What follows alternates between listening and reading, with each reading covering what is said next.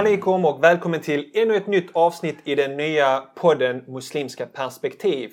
Det är podden där vi diskuterar samhällsaktuella frågor som rör Sverige och omvärlden utifrån muslimska perspektiv.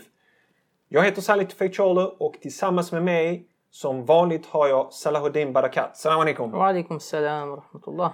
Allting bra? Alhamdulillah. Själv? Alhamdulillah, det är lugnt. Idag tänkte jag att vi skulle prata om imamutbildning Mm. som har diskuterats i, i media. Ett tag var det en, eh, en undersökning eller om man skulle ta reda på om man kunde ha en statligt finansierad imamutbildning i Sverige. För mm. det har lyft fram lite av kritik av oseriösa imamer från utlandet som sprider en massa konstiga grejer. Så man vill Mm. ha en svensk imamutbildning. Vi, vi kommer till det. Men jag skulle gärna vilja börja med det om du kunde berätta lite personliga betraktelser kring det här med imamer i Sverige och om du har mött på lite problem som gör det aktuellt med en svensk imamutbildning, en imamutbildning i Sverige. Mm. Alltså självklart, eh, man, genom att växa upp här i Sverige så har man väl alltid känt att det behövs, vi har varit i behov av eh, kunniga i religionen som även är kunniga och insatta i den, om, den kontext vi befinner oss i och som kan kommunicera på ett vettigt sätt. Jag menar hur många gånger har man inte suttit i eh, liksom i soffan där hemma och så tittat på nyheterna och så kommer det fram någon som ska tala för islam och muslimer som varken behärskar språket eller behärskar religionens sakfrågor eh, och det blir helt enkelt bara fel och ger fel intryck. Eh, och sedan inte bara liksom det utan även vår erfarenhet i moskéerna och växa upp här. Man har inte riktigt känt någon större närhet exempelvis till många av imamerna som har varit här. Eh, ibland sitter man i, i liksom fredagspredikan och inte ens förstår vad de säger. Pratar på helt främmande språk. Ibland upp till tre, fyra olika översättningar och inte en av dem Och är på drar ut svenska. predikan ut i en timme liksom. Mm. Och så ska det ju inte vara. Det ska vara en kort, eh, enkel predikan som är rakt på sak. På ett språk som alla förstår. Yes, och det, då tyvärr så det finns många problem och bara det att till exempel mycket av predikan inte ens handlar om de frågor som berör oss så jättemycket här i Sverige. Särskilt som ungdom. Eh, det är väl någonting man känner att man saknat väldigt mycket i uppväxten. Vad Så- har du? Vad Ja, alltså jag, samma sak. Du vet, jag växte upp, eh, kommer från en turkisk familj, så jag gick tidigt som barn, lärde mig läsa Koranen hos olika imamer. En del av dem kom från Turkiet och du vet, Turkiet eh, har eh, den här, det här programmet att de skickar iväg imamer utomlands som stannar ett antal år och sen kommer de tillbaka till Turkiet. Så kommer en ny imam som undervisar barnen och så. Jag kunde aldrig känna den här närheten som du, som du talar om också. Alltså, för att man växer upp i två olika samhällen. De förstår inte. Jag kommer ihåg en av barnen eh, nynnade liksom. Na, na, na, na, na, na, na, na, na, na, na. Och, och imamen undervisade och han blev jättearg. Vad, är det för någonting du sjunger? Och det är Alfons Åberg liksom. Alla som är uppväxta här vet vilken sång det är. Och istället för att bli sur och arg så skulle han kanske ta in Alfons Åberg i undervisningen. Kanske hade sett några avsnitt, prata om de problemen som uppstår med Alfons och hans pappa och sådana här saker som relaterar till barnen och ungdomarna. Och det är det här som jag saknar när jag hade de här olika turkiska imamerna, att jag kunde aldrig riktigt relatera till dem. Och språket är liksom nyckeln in i ett samhälle.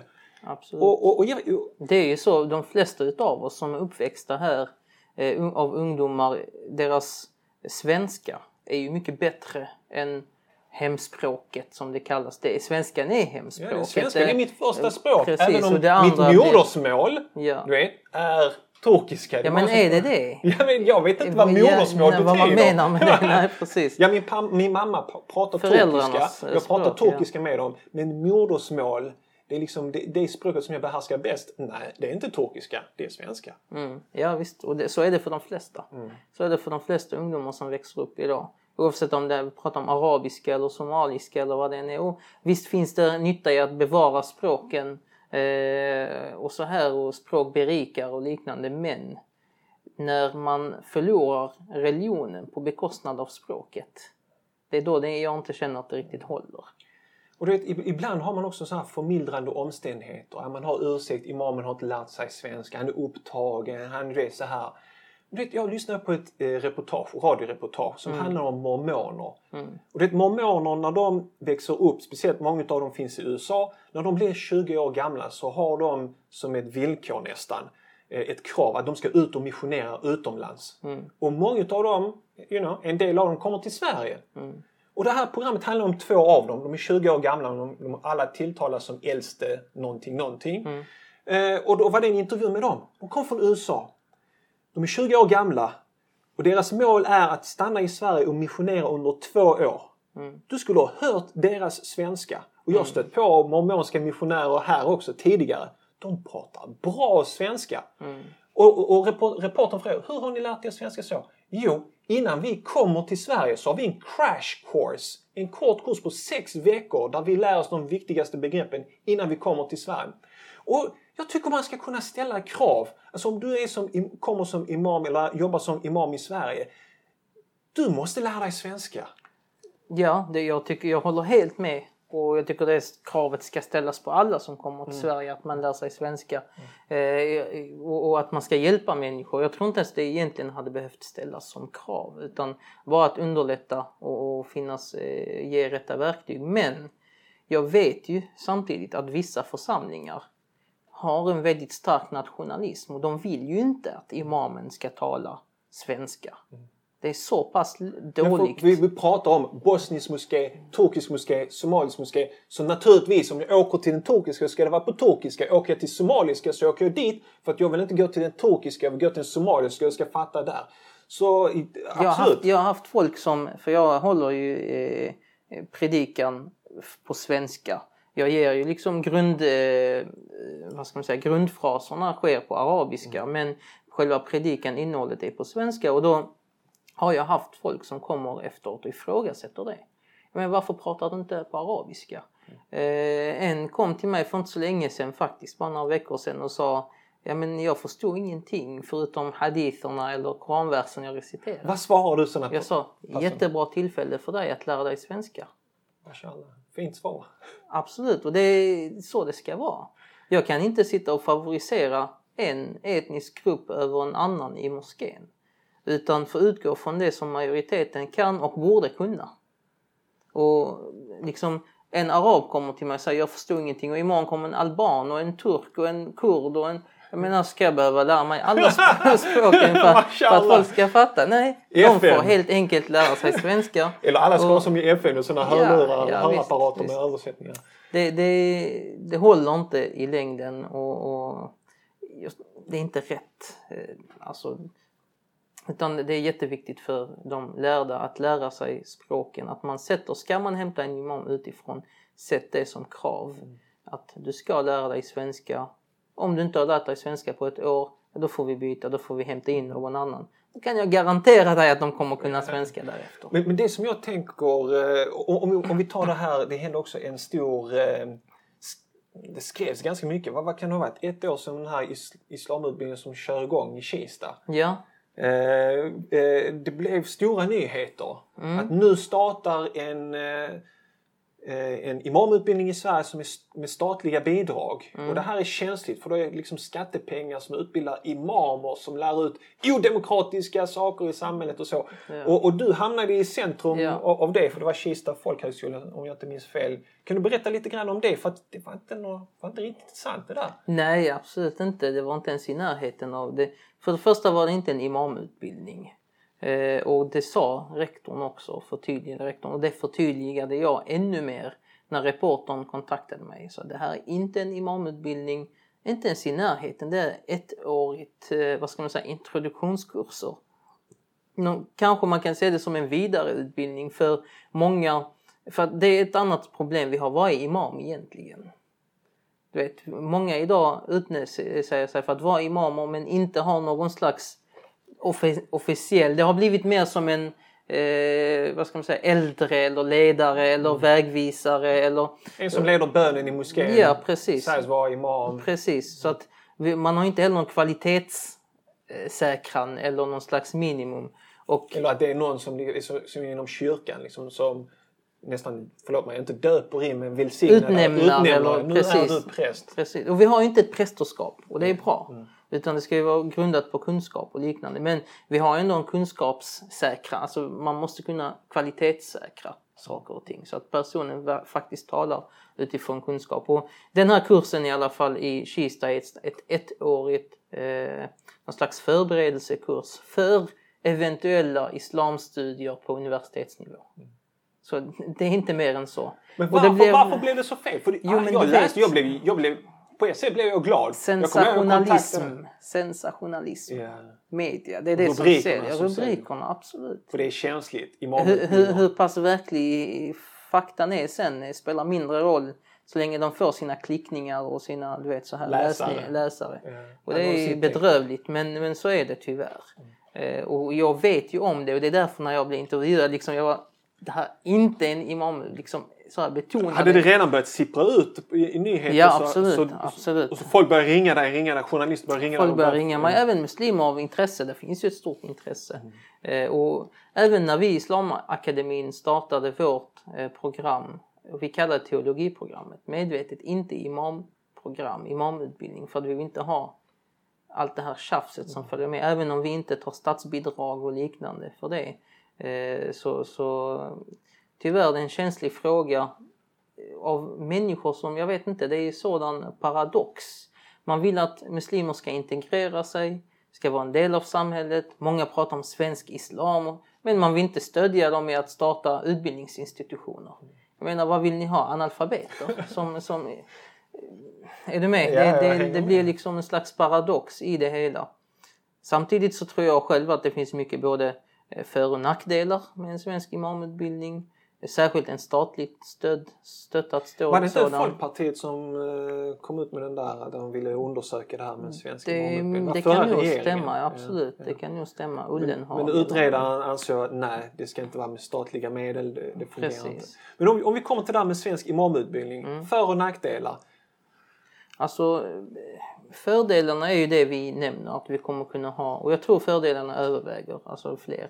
Så du, du själv är positiv till en imamutbildning i Sverige? Någon slags imamutbildning, absolut. Och, och jag, jag, tror att vi behöver imamer, eh, lärda som är kunniga i det svenska språket och den svenska kulturen.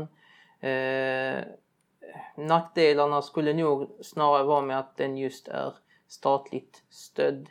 Det kan medföra eh, krav och påtryckningar som gör att eh, imamerna som utbildas där inte har eh, riktigt åsiktsfrihet fullt ut.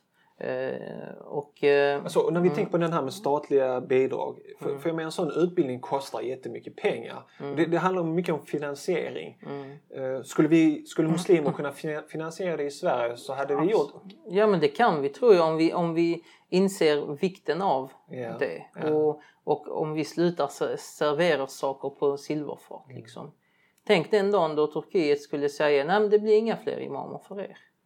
Och bosnierna skulle säga detsamma och de, mm. det blir inga fler imamer. Ni, får inte ens importera. Vissa länder börjar tala om förbud. Mm. Nu har ju Turkiet eh, intelligent nog eh, börjat ändra på den. Eh. Precis, börjat ändra lite grann och det är bra. Jag tror det är gynnsamt och eh, det religiösa ministeriet har ju faktiskt tagit svenska muslimska ungdomar och tagit så dem de utbildar dem i Turkiet? Utbildar dem i Turkiet. Men är inte de detta nu känsligt? Är inte detta känsligt då? Ja, alltså enligt vissa då? Och, varför ska det, Ja det kan, det, det kan de tycka men det, det är ju... Alltså vi har ju religionsfrihet och vi har utbildningsfrihet. Alltså du får ju lov att utbilda vad än du vill. Turkiet eh, har ju insett att det kan komma till att eh, vi helt enkelt inte kan längre eh, importera, så kallat importera imamer. Så de har börjat utbilda eh, lokala svenska ungdomar i Turkiet, tar tillbaks dem. De kan tala svenska, de kan tala turkiska, de har fått en ordentlig religiös utbildning och de har löst frågan. Mm. Eh, för andra samfund, och jag tror bosnierna har möjligtvis ett liknande system, de är de två mest organiserade samfunden kan man säga. Resten, då det blir svårare, allt svårare att importera imamer och efterfrågan blir allt större. Mm. Jag har jättemånga moskéer, lokala moskéer runt om i Sverige som ringer och frågar kan ni skicka en imam? Och då, ja, hur ska, hur ska vi lösa det? Hur ska vi lösa det helt enkelt? Så att, Jag, jag skulle du att- hellre vilja, skulle du vilja se någon fond eller någonting sånt som öppnas upp i Sverige? Hur, hur, hur skulle ditt skulle se vara av en som- imamutbildning i Sverige? Ja, jag tror det handlar om prioritering i människors eh, medvetande. Muslimers medvetande. Vi har idag, muslimer lägger miljoner kronor, mil, hundratals miljoner om inte mer korrekt, på moskébyggen, på fastigheter. Jag menar lägg en tiondel på utbildning så kommer ni se vilken förändring vi kommer ha i det muslimska civilsamhället. Men kan man se det som ett första steg? Att nu byggs moskéerna för vi behöver en lokal att be och nästa tanke som väcks är vi behöver någon imam som är kval- kvalificerad för att göra ett bra jobb här. Jag vet inte Eller om det är den, den ordningen biten? man ska gå. Är det verkligen den ordningen man ska gå? Eller ska man gå tvärtom? Vi Det har en imam jag. och sen har vi en plats. Absolut. Vad är det viktigaste i moskén? Innehållet eller byggnaden? Jag menar, hur såg de första moskéerna ut? Det var fyra enkla lerväggar och lite pannblad som tak. Behöver inte vara lyxiga fastigheter för 100 miljoner. Det, är inte, jag, det strider till och med mot muslimska värderingar om något. Men Lixa konsekve- till det på det sättet. konsekvenserna blir också väldigt stora. Alltså för att det här med när man sitter och, på en eh, fredagspredikan och man hör, man förstår ingenting. Det är flera olika språk som pratas, aldrig svenska. Man börjar rita i mattan och ja, nu är det klart, nu får jag gå liksom iväg. Men du vet, sen så väcks de här tankarna. När, ofta när jag går ut från moskén så tittar jag vänster och höger, jag ser ungdomar. Mm. 15, 16, 17 år. Du vet, går. Många av dem liksom, vad ska jag göra med livet? Och, men de kommer på fredagsbön och det här är ett sånt ypperligt tillfälle för imamen att vägleda ungdomarna. Prata om viktiga saker med dem. Nå ut till dem. Vet, alltså, man, jag, har aldrig hört någon fredagspredikan där imamen pratar om liksom, eh, ungdomens roll viktiga roll i samhället. Och efter fredagspredikan säger så här. Vi vill ha med ungdomarna. Ni är viktiga i vårt arbete. Jag har hållit den här predikan nu. Jag vill, om det är frivilliga, kom fram till mig så kan vi sitta ner och diskutera hur vi kan aktivera oss. så. För att det är så många ungdomar som bara går, du vet, har ingenting att göra, sysslolösa och sen hittar de på dumheter. Och det, det är det som, då blir jag arg. Från att liksom, ja, så då var det ännu en. Till att vi missar alla de här ungdomarna. Ja, visst, visst. Det är oerhört eh, ett ypperligt tillfälle för att just påverka och göra gott och göra bra som missas. Och tyvärr är det ju alltså och det är ju en av nackdelarna med importerade imamer är just att de också fortfarande befinner sig i hemlandet.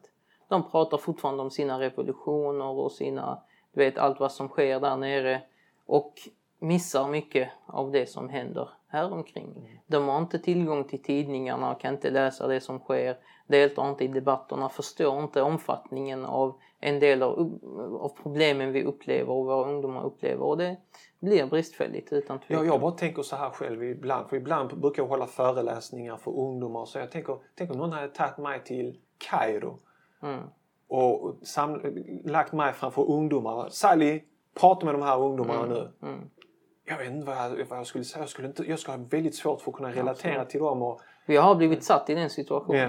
Ja. Jag har blivit satt i den situationen och eh, då bland annat i Jemen när jag var där. Vi var ute och, eh, i Dawa liksom och tränade på att hålla tal i moskéer och liknande. Och eh, det var en del av utbildningen och jag blev satt i sådana situationer och det var inte lätt. Liksom, vad ska jag prata med dem om? vad är deras vad, problem? vad är deras problem? Ja, Ja, de tuggar för de mycket bekymrar? katt i vissa delar av Jemen kanske. Jag börjar prata om katt. Tycker de att du är fördomsfull? Men Ja, ja, men jag gjorde just det. byn, Jag liksom. började liksom basha katt och så. De är liksom... jag bara fattar inte vad ni gör. Ni förstör ekonomin, ni förstör... men ja, så att... Jo, men också det, vad ska man prioritera? Vad är det? det är så mycket så man måste verkligen stanna i ett samhälle. Ja, jag, jag tror... Och sen behöver ungdomar behöver också förebilder. Jag menar där de ser att okej, där är någon som är uppväxt här.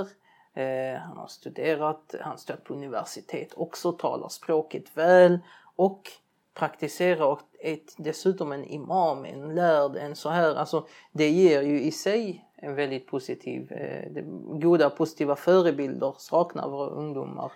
Den kritiken också som jag har hört om liksom, ungdomar som läser utomlands. Mm. Det är att de kommer tillbaka med på engelska heter baggage med liksom en bagage Mm, med massa idéer som de har fått därifrån. Så tar de med sig det hit här och försöker trycka in det här och det, det funkar inte riktigt så bra. Har, har, du upplevt den, Jag har upplevt det. det. Vad, vad, är dina tankar om det? Alltså jag tror det har mycket med vart man är utbildad. Mm. Alltså vilka, hur utbildningen är upplagd. Eh, där jag studerar, jag är en av dem som åkt iväg och studerat och kommit tillbaka. Men där jag studerade så blev vi ständigt påminda om att tro inte att ni kan emulera det vi har här hos er. Utan ni ska ta kärnan, ni ska ta värderingarna, ni ska ta lärdomarna och visdomen och implementera det efter er kontext. Tilltala de problem ni har. Det här, det här var någonting som vi ständigt matades av i vår utbildning. Inte bara det, vi gavs väldigt mycket utrymme för vad vi själva hade. Vad har ni för frågor? Alltså det, det kanske är den frågeställningen jag minns mest av mina lärare är vad har du för problem? Hur ser ni på det i Sverige? Hur gör ni? Och lärarna hade ju självklart en eget intresse och nyfikenhet kring frågor de inte har mötts av. Men också ett intresse om att förbereda oss för en uppgift, vara till nytta. Så det vet jag att det inte finns i alla skolor. Det, man har inte det tänket. Eh, jag har sett skolplanerna också liknande i andra skolor. Det, det är en brist men det är också lite grann tror jag, jag tror ungdomarna som åker härifrån kan själva efterfråga det kanske, mm. ställa krav på de institutioner de reser till att det är, faktiskt anpassas efter dem lite grann. Så eh, vi har säkert lyssnare här, mm. unga både tjejer och killar kanske som funderar på att utbilda sig och bli imam då, om vi tänker på, mm. på bröder, unga killar och så. Vad Även unga systrar. Unga systrar. Ja, hur, hur ser du på det här med imam? Kan, kan vi ha en tjej som är imam? Absolut, eller? Det, det beror på vad man menar med alltså en, en kvinna. En imam är egentligen betyder en ledare. Mm. Eh, mer specifikt så är imam ett böneledare, alltså ett ämbete böneledare. Och eh, vi har ju inom islam en viss eh, slags segregering mellan könen, även om det ska vara rättvis sådan så att båda ska ha likvärdigt så finns denna och har sitt syfte. Och det finns klassiskt sett i de flesta rättsskolor i alla fall, eller i flera av rättsskolorna där kvinnor kan leda bön, leda andra kvinnor i bön. Och då är hon en imam helt enkelt, en imama. Mm. Och eh, det är en del av rättsläroböckerna, imamatul marra, alltså kvinnans ledande. Eh, och egentligen den här böneledaren, böneledarfunktionen är kanske egentligen det minst relevanta i ämbetet som imam som används idag. Och det är den enda begränsningen är just den. Att man leder dem av sitt, sitt kön endast. Och allt annat, rådgivande, kunskapsmässigt. Och vi vet, både jag och du vet, att makt, auktoritet, Eh, ställning i det muslimska samfundet har inte med att göra ifall du leder bönen eller inte. Nej, för är inte imamen där så kan vem som vem helst, som helst gå kan fram leda, där och leda ja. bönen. Utan vad har det med att göra? Kunskap. Det är nummer ett. Den som visdom. kan sin religion, precis, den som kan sin religion kan eh, ha kunskap och ha visdom. Det är de som får möjlighet att påverka och säga till och, och, och så här. Och, och där, i just den delen, finns det inget som särskiljer män från kvinnor säger att män eller kvinnor kan vara mindre relevanta. Mm. Så att eh, fokuset, är, fokuset har varit på helt fel sak och det har lite grann med missuppfattning om just vad imamskap är för någonting och i vilka olika domäner det, det, det har med att göra. Så att eh, jag har inga, jag, tvärtom, så, vi har ju ett Fatima-stipendium i Islamakademin mm. där vi stödjer just kvinnligt lärande. Vi behöver kvinnliga imamer, vi behöver kvinnliga lärda muftin som är det högsta idag som man kan vara en mufti i princip. Vi behöver kvinnliga mufti som kan utge fatwa, det vill säga besvara religiösa frågor. Mm. Eh, och, och, jag uppmuntrar det starkt. Jag vet att det är svårare för en kvinna att bli det. Eh, av tyvärr vissa kulturella eh, orsaker i vissa kulturer. De flesta kulturer som har varit starkt eller överdrivet patriarkala som man in, där man inte har förväntningar av sina döttrar eh, till att faktiskt utbilda sig och fördjupa sig i islam. Medan man kan ha de förväntningarna av sina söner. Eh, och att det praktiskt är svårare, mindre tillgänglighet till de traditionella muslimska lärosätena och så vidare för kvinnor. Jag, jag, jag tänker på det när, när du bjuds in till olika sammanhang så här, och vi imamer här bjuds in till konferenser. Det har varit lite sådana här konferenser och möten och så. Är det några kvinnliga deltagare? Väldigt få. Tyvärr, det är väldigt få. Men det är också för att det är väldigt få kvinnliga lärda överlag eh, idag. Och det, det är faktiskt en Det- det- tillbakagång, en nedgång, inte tillbaka, det är en nedgång. Det har varit mycket bättre i den muslimska traditionen, historiskt sett. Det har aldrig varit jämlikt 50-50, det kan jag inte tänka mig.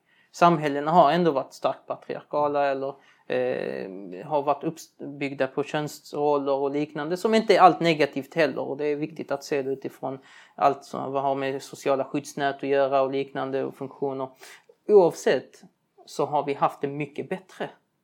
Hade vi haft våra omständigheter med välfärd och liknande under de tiderna med, de, med den eh, synen som fanns på kunskap då så borde vi ha det mycket mer jämställt idag i den frågan. Och jag har själv föreläst, jag har en föreläsning på Youtube om just Nafisa, Saida Nafisa, en av de kvinnliga tidiga och imamerna och vilken roll hon hade och vilken respekt människor hade för henne. Eh, Där till och med när jag letade upp biografierna eh, efter hennes biografier i olika biografisamlingar så stötte jag på, jag kollade på hennes mans namn också.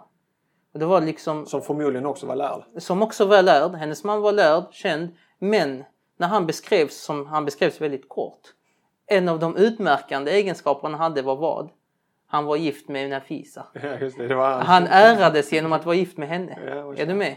Så att synen har förändrats till det sämre tyvärr i Och många också kulturer. om vi tittar tillbaka till eh, profeten samtidigt, hans hustru Aisha, efter att profeten Muhammed gick bort så var det många som kom och ställde frågor till henne och där hon kritiserade andra för deras tolkningar så hon var involverad i Hon var en diskussion. religiös auktoritet i den första generationen.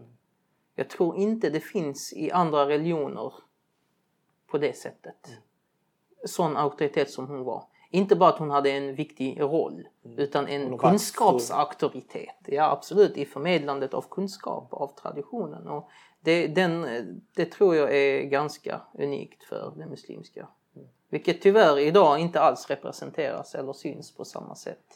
Och det, det, Om vi, om vi kommer tillbaka till ursprungsfrågan som var Kvinnliga imamer får vi prata mer om i framtiden tror jag. eh, Ursprungsfrågan var då eh, unga killar och tjejer som vill utbilda sig till imamer.